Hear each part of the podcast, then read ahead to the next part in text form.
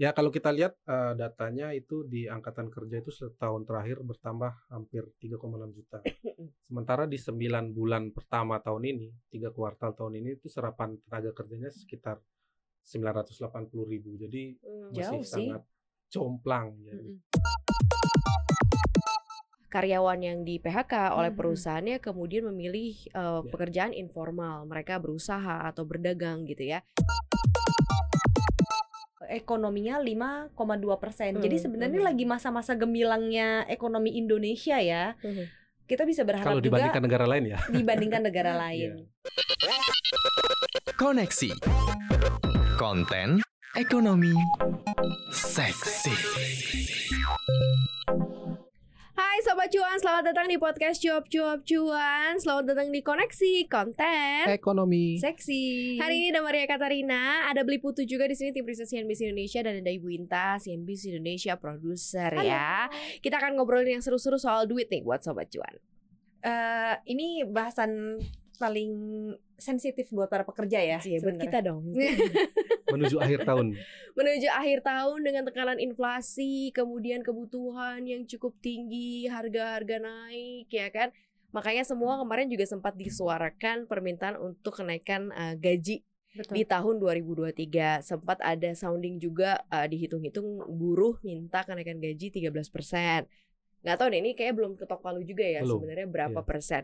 Nah, ternyata uh, Badan Pusat Statistik itu kemarin melaporkan bahwa rata-rata upah buruh atau karyawan di Indonesia di Agustus ini mencapai 3,07 juta per bulan. Artinya adalah uh, berdasarkan tahun 2 eh, Agustus 2022 ya. Hmm. Artinya di sejumlah daerah ini mengalami kenaikan. Jadi ada kenaikan di beberapa daerah dan ternyata di Jakarta ini kita belum bicara uh, mengenai profesinya ya. Di Jakarta ini upah buruhnya uh, tumbuh 30,46 persen dibandingkan di Agustus 2021. Berarti secara Jadi tahunan ya? Secara tahunan. Jadi sekarang tuh Jakarta yang dulu sempat berapa 46 ya 4,6. Mm -hmm. Sekarang tuh udah di 5,2 5 hmm. juta 255 ribu 824 itu Jakarta ya. Tapi beberapa daerah-daerah lain juga tumbuh tapi kan memang besaran nominalnya Jakarta memang udah paling gede gitu. Nah, sekarang juga ada tuntutan lagi karena inflasi. Sebenarnya kalau kita bicara mengenai skema naik gaji ini um, harusnya memang ada ya tiap tahun ya harusnya dirasakan ya setiap pekerja ya nggak sih? Iya kalau misalnya ada inflasi berarti memang harusnya pendapatan juga naik supaya memang berasa nih kalau misalnya uh, uangnya nambah. Kalau misalnya di bawah inflasi atau sama dengan inflasi ya kelihatannya sebenarnya uang itu nggak nambah-nambah gitu hmm. kan ya beli. Betul. Iya, karena kan kalau inflasi itu artinya harga-harga barang naik, ketika harga barang naik, misalnya yang 10.000 menjadi 11.000, kita biasanya beli dengan harga 10.000 duit jadi kurang kayak gitu. Kan. Benar. Nah, itulah sebabnya kenapa standarnya atau bukan standarnya sih, harusnya itu gaji, kenaikan gaji itu lebih tinggi dari inflasi. Kayak gitu. Kemarin mungkin sempat ada tuntutan kalau gaji naik 13%, itu saya rasa itu formula lama ya. Formula hmm. lama itu uh, hitungannya adalah inflasi ditambah pertumbuhan ekonomi. Mhm. Dengan asumsi uh, inflasi tahun 7%. ini 7%, kemudian pertumbuhan ekonomi bisa 5%. persen. Uh, jadi 13% tuntutannya tiga belas persen. Sementara hitungan yang baru itu tidak segampang itu kayak gitu. Ada formula. gimana yang paling baru tuh? Waduh, itu agak rumit sih sebenarnya. Itu hmm. formulanya agak agak rumit, ada banyak komponen yang dimasukkan itu jadi perlu orang ahli ya yang menghitung kayak gitu. Jadi saya rasa angkanya mungkin, akan jauh keluar lebih besar dengan uh, jumlah uh, inflasi plus besar. pertumbuhan enggak. ekonomi. Oh enggak. Pasti lebih rendah dari 13 Karena memperhatikan aspek lain mungkin, ya. aspek dari kebutuhan atau Karena, kebutuhan perusahaan dan lain-lain gitu kali ya. Iya benar. Dan kalau kita lihat seperti data tadi di Jakarta sendiri kenaikannya malah 30% ya dalam satu tahun terakhir. Jadi uh, apa namanya standar kenaikan itu yang sebenarnya yang diumumkan oleh pemerintah, tetapi kebijakan masing-masing hmm. itu balik lagi ada di daerah dan perusahaan masing-masing kayak gitu. Nah, ketika mungkin perusahaan uh, ber berniat baik kayak gitu dengan menaikkan gaji lebih tinggi dari standar uh, pemerintah ataupun standar pemerintah daerah ya itu kan uh, berarti keuntungan bagi karyawannya kayak gitu. Hmm, Makanya hmm, ada kenaikan hmm. hingga 30%. Dan itu juga rata-rata, tidak semua. Jadi ada yang mungkin di bawah 30%, ada yang mungkin 10%, ada yang bisa 40%. Jadi ketika di rata-rata hasilnya 30% di untuk Jakarta sih. Dan untuk nasional itu eh, 12% lebih kalau nggak salah ya itu juga cukup tinggi dibandingkan eh, dengan inflasi saat ini. Hmm. Inflasi saat ini kan masih di bawah 7%, di bawah 6% malahan. Mungkin yang terasa eh, kayak angkatan kerja baru kali ya. Kalau seandainya dia masuk jadi angkatan Ya. kerja baru di eh, tahun yang berbeda, patokan dari eh, UMR-nya udah beda nih kan berdasarkan tahun gitu nggak sih eh, Hmm. Bunta? Sementara kalau untuk karyawan yang emang udah tetap udah ada di perusahaan tersebut biasanya nggak ikut nih eh, kenaikan yang diminta dalam tanda kutip gitu ya formulasi yang diatur oleh pemerintah. Berarti kan memang untuk mereka-mereka yang angkatan kerja baru nggak sih? Harusnya di-adjust ya. Kalau harusnya misalnya- untuk harusnya karyawan yang ada iya. juga yang udah udah eksis tetap di-adjust. di-adjust karena uh, tentunya tidak adil dong dengan karyawan baru masuk gajinya lebih tinggi sementara uh, kinerjanya kita belum tahu Tapi emang sementara kayak gitu tahu beli. nah, makanya dengarkan Emang kayak curhatku ya. makanya kan harusnya tapi kenyataannya kan balik lagi realitanya kayak gimana itu ya di, masing-masing perusahaan saya rasa berbeda-beda sih tapi harusnya akan di-adjust harusnya Kalau misalnya ini tadi kan ada angka dari 2021 ke 2022. Mm-mm. Kenaikannya rata-rata 12% dan lebih tinggi daripada inflasi. Sebenarnya ini kabar yang baik ya. Kan sejalan juga ekonomi lagi membaik juga. Benar. Dari awal tahun sampai kuartal 3 tahun ini ekonomi Indonesia kan rata-rata udah naik ke 5% lah ya. 5,4 persen ya. Terus kemungkinan kira-kira pertumbuhannya rata-rata sampai akhir tahun bahkan sampai 2023 kalau katanya Pak Menko Airlangga Indonesia itu bisa di eh, pertumbuhan ekonomi ekonominya 5,2 persen. Jadi Hmm, sebenarnya hmm. lagi masa-masa gemilangnya ekonomi Indonesia ya. Mhm. Kita bisa berharap kalau juga dibandingkan negara lain ya dibandingkan negara Iya. lain. Kita bisa berharap nanti kalau misalnya eh, apa namanya kenaikan upah yang cukup signifikan ini bisa bertahan juga sampai tahun depan ya. Jadi eh, walaupun katanya nanti ada resesi, tapi katanya Indonesia kan cukup kebal ya. Mhm, mhm. Ya, Jadi saya rasa memang itu. ya.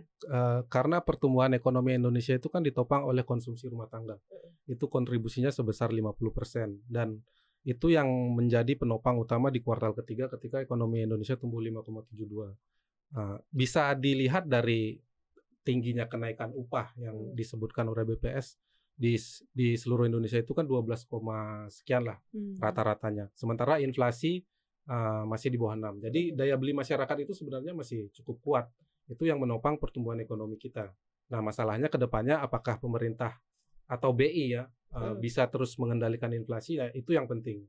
Kalau Hmm. misalnya inflasi sukses diturunkan, daya beli masyarakat masih cukup bagus, perekonomian Indonesia uh, tahun depan saya rasa masih akan cukup tinggi sih. Oke, berarti yang karena nggak akan pernah mengganggu kondisi dari daya beli gitu ya. Iya. Kalau inflasinya memang bisa diturunkan atau minimal minimal dijaga, Dijaga, lah iya, ya gitu dijaga. ya oleh pemerintah. Nah, cuman di sisi lain eh, ternyata ketika kita ngobrol soal kenaikan gaji dan upah yang naik, eh, kalau ngelihat dari yang naik cukup tinggi itu di ibu kota ibu kota lagi gitu ya. Sebenarnya harusnya ada PR lanjutan dari pemerintah yang cukup berat untuk memeratakan eh, pendapatan eh, karyawan buruh gitu ya di masing-masing daerah gitu. Karena memang terket apa kenaikan yang cukup signifikan di Jakarta ini mungkin akan lebih banyak menarik orang-orang calon pencari kerja baru atau Betul. mereka yang sudah bekerja di daerahnya untuk pindah untuk jadi eh, mereka tuh kayak jalan ninjanya yang mau dapat kerjaan lebih lebih bagus gaji lebih gede pindah Jakarta gitu ya nggak sih harusnya Iya. ada ada ada pemerataan yang bisa dilakukan Ya gitu. sebenarnya ini kan masalah klasik ya, Hmm. masalah dari dulu kenapa uh, banyak orang-orang itu pindah ke ibu kota ya karena emang peluangnya lebih besar di sini, Uh, lapangan kerja lebih banyak, jenisnya beragam kayak gitu. Sementara kalau kita ke daerah mungkin uh, tidak sebanyak bahkan jauh mungkin bahkan mungkin saya kalau dari Bali itu uh, sangat-sangat terbatas ya menurut saya beli juga pekerjaan. nih dari Bali nih Iya. Jakarta. Oh, ini termasuk Maaf, termasuk maaf. ini ya. Iya, ya, maaf, maaf. termasuk mencari peruntungan. Mencari Iya. peruntungan dan memang faktornya ternyata ya faktornya ya emang benar karena di Mhm. sini gajinya lebih tinggi Tapi ketimbang- Jakarta juga butuh beli. Kalau enggak nggak susah. enggak enggak jalan nih tim riset. Sorry, CNBC CNBC. butuh beli putu mohon maaf. Iya, betul, betul.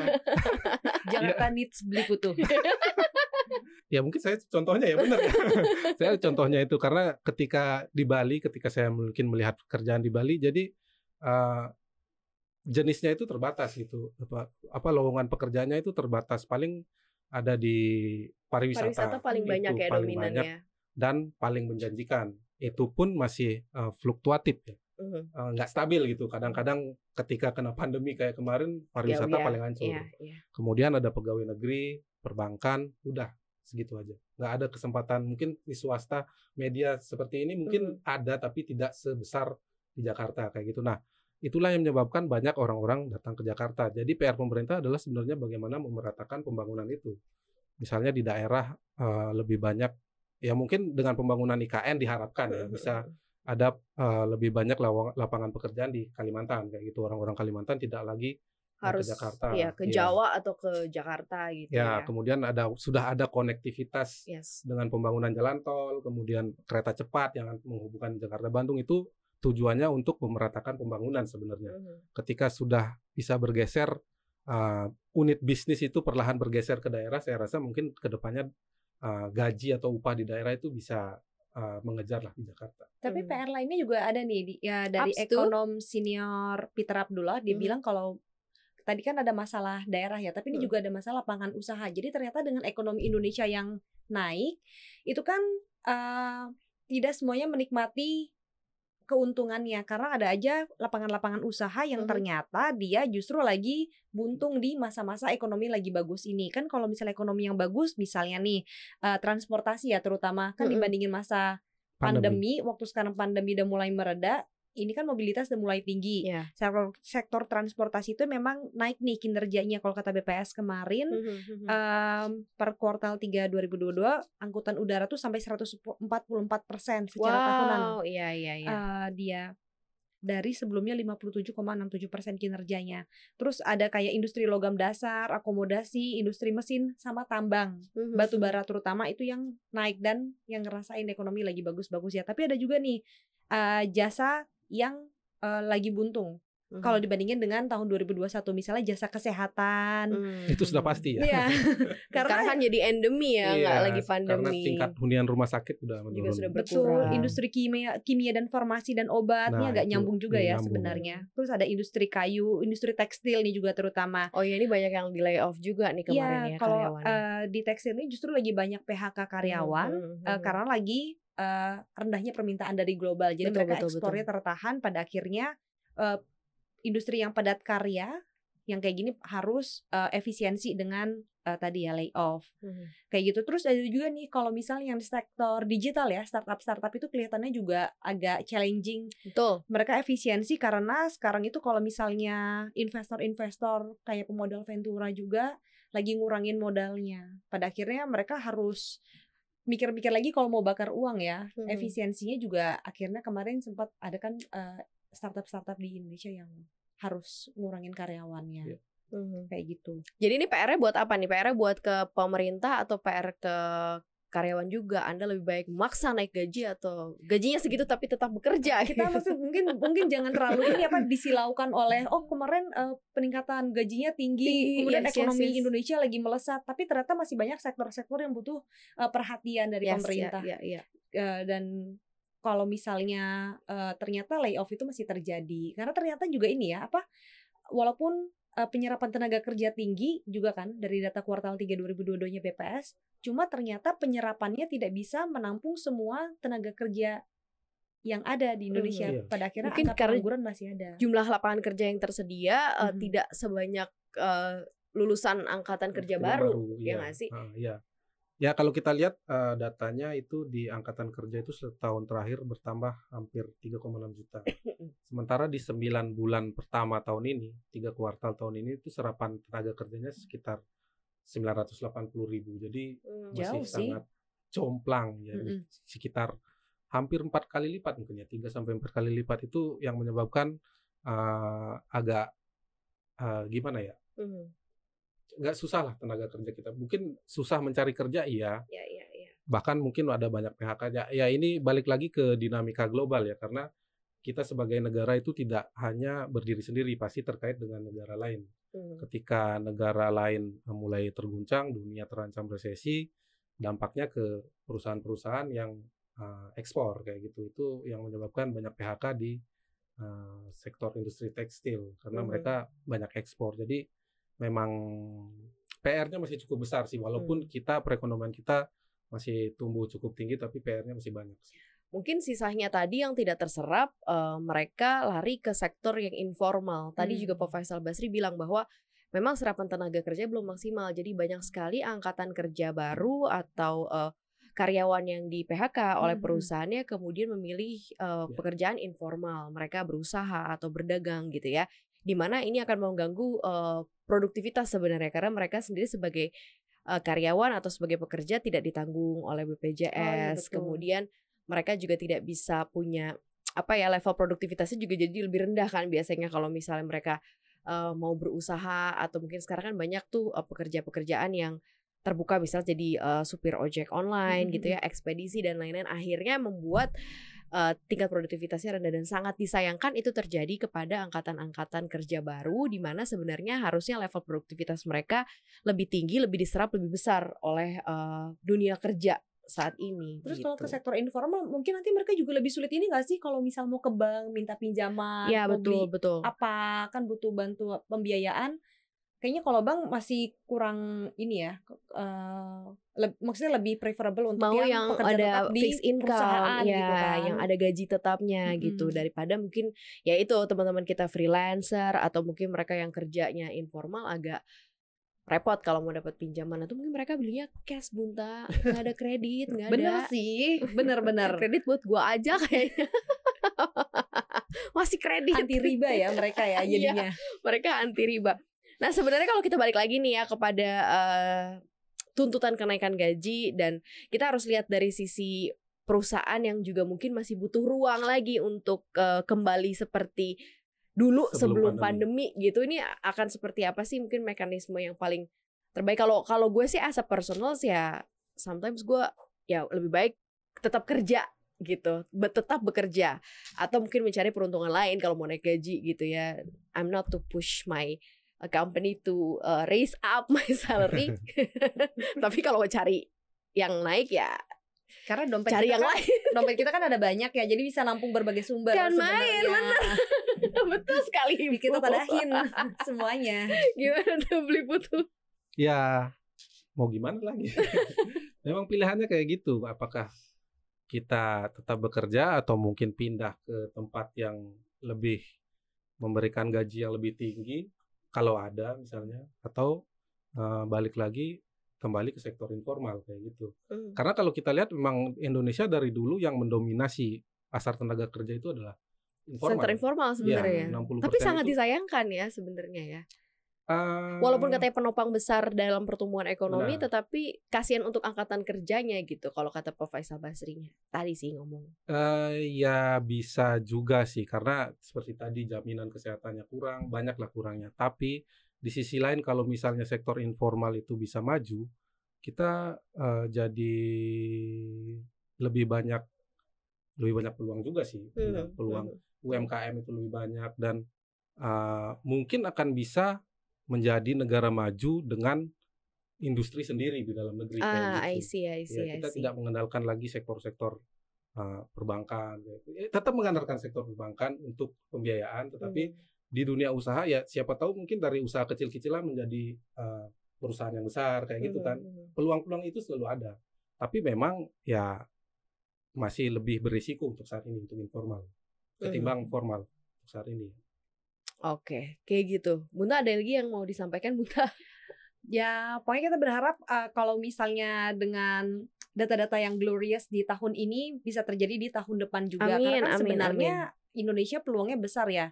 Kalau misalnya ada ancaman resesi global, Indonesia kan sebenarnya nggak terlalu banyak trade Mhm, uh, dan mhm. apa sih hubungan dengan luar. Jadi Ya katanya itu masih salah satunya karena lebih kita kebal ya. kita uh, Minum- sektor informalnya yang banyak. Oh, Iya, negeri iya. konsumsinya yang Ah, menam sak- konsumsi rumah tangga informal kita. benar UMKM itu kalau nggak salah 90% Mhm. uh, serapan tenaga kerjanya itu yang salah satu yang menopang kita masih cukup kuat karena mereka masih konsumsi kayak gitu. Sementara seperti uh, sektor tekstil kayak gitu kan sudah mulai pengurangan tenaga Hmm. kerja. Jadi ya keuntungannya ada di sana sih untuk saat ini. Hmm. Mungkin yang disayangkan cuma kepada tingkat produktivitas dan jaminannya mungkin ya. uh, Ya pintar-pintar untuk teman-teman yang kerja di uh, sektor informal untuk bisa punya pemahaman uh, perencanaan keuangan yang baik gitu. Baik lagi ke diri sendiri ya nggak Dan sih? Iya, dan itu udah sering banyak dibahas di konten-kontennya cuap-cuap cuan Benar, kan, Mbak? benar, benar, Gimana benar, cara benar. untuk meningkatkan produktivitas? Ya betul. meningkatkan cuan. Hmm, gimana caranya untuk bisa punya proteksi eh, diri sendiri Hmm. gitu ya, nggak bergantung terhadap perusahaan. Jadi ada uh, independ- independency financials uh, untuk diri sendiri Hmm, gitu loh, cakep. independency gitu ya, ada independent financials. Jadi ya mungkin teman-teman yang saat ini nggak kerja di kantoran nggak apa-apa gitu, karena Hmm. it, kamu adalah salah satu penyumbang penggerak perekonomian Iya, saat ini gitu ya. Jadi tetap semangat dan untuk teman-teman mungkin yang kemarin baru kehilangan kerjaan ya mungkin sektor informal akhirnya jadi eh, kayak pilihan Pilihan, lagi gitu ya, pilihan untuk bisa tetap produktif. Bisa kok tetap produktif ya Berwirausaha. berwirausaha. Jadi gitu aja obrolan kita hari ini. Jangan lupa untuk dengerin konten podcast kita di mana aja Bunta. Ada di Apple Podcast, Google Podcast, Spotify dan juga Anchor. Selain Mm-mm. itu kamu bisa datengin di Instagram at cuap underscore cuan. Situ ada banyak banget nih konten-konten yang bisa jadi inspirasi kamu kalau mau nambah gaji tadi ya. Ya, betul. Baik eh, untuk kerja sendiri Mm-mm. atau ada inspirasi lainnya juga. Terus nanti juga di YouTube cuap-cuap cuan, subscribe, like dan share sebanyak-banyaknya supaya teman-teman kamu juga bisa dapetin manfaat dari konten kita. Pasti ya. Jangan lupa besok kita ada kelas cuan ya di 10 November 2022 ini Mhm. ya Sobat Cuan. Besok kita akan ada kelas cuan uh, bareng dengan Cuap-Cuap Cuan dan juga Chandra Astri Petrochemical. Kita bahas mengenai sustainable investing for a better future ya. Kita akan lihat gimana sih sebenarnya concern perusahaan terhadap environment, kemudian social dan governance ESG ini cukup bisa menentukan masa depan perusahaan yang baik, masa depan investasi kita juga. Eh, ini juga gitu. bisa jadi ini loh peluang eh, usaha, bukan peluang usaha apa ya, peluang posisi pekerjaan buat teman-teman ini karena nantinya perusahaan itu akan selalu punya ESG, Betul. divisi ESG dan itu Betul. divisi yang baru sebenarnya relatif baru. Iya, ini itu kan jadi- future ya masa depan Nah, banget betul. itu. Kalau misal dari sekarang udah ngerti, ini bisa nih jadi prospek Iya, berikutnya. gila keren banget. Pokoknya jangan lupa ya kalau sobat cuan bingung gimana caranya, bisa langsung aja datang di website www.cnbcindonesia.com atau melalui Instagram kita di @cuap_cuan. Di situ ada caranya ya. Pokoknya ada hadiah yang menarik. Pokoknya Hmm. Jangan lupa ikutin kelas cuan kita ya. Thank you sobat cuan. Ketemu besok di kelas cuan. Terima kasih juga udah dengerin koneksi hari ini. Maria pamit. Putu pamit. dan Inta juga pamit. Bye bye sobat cuan. Dadah.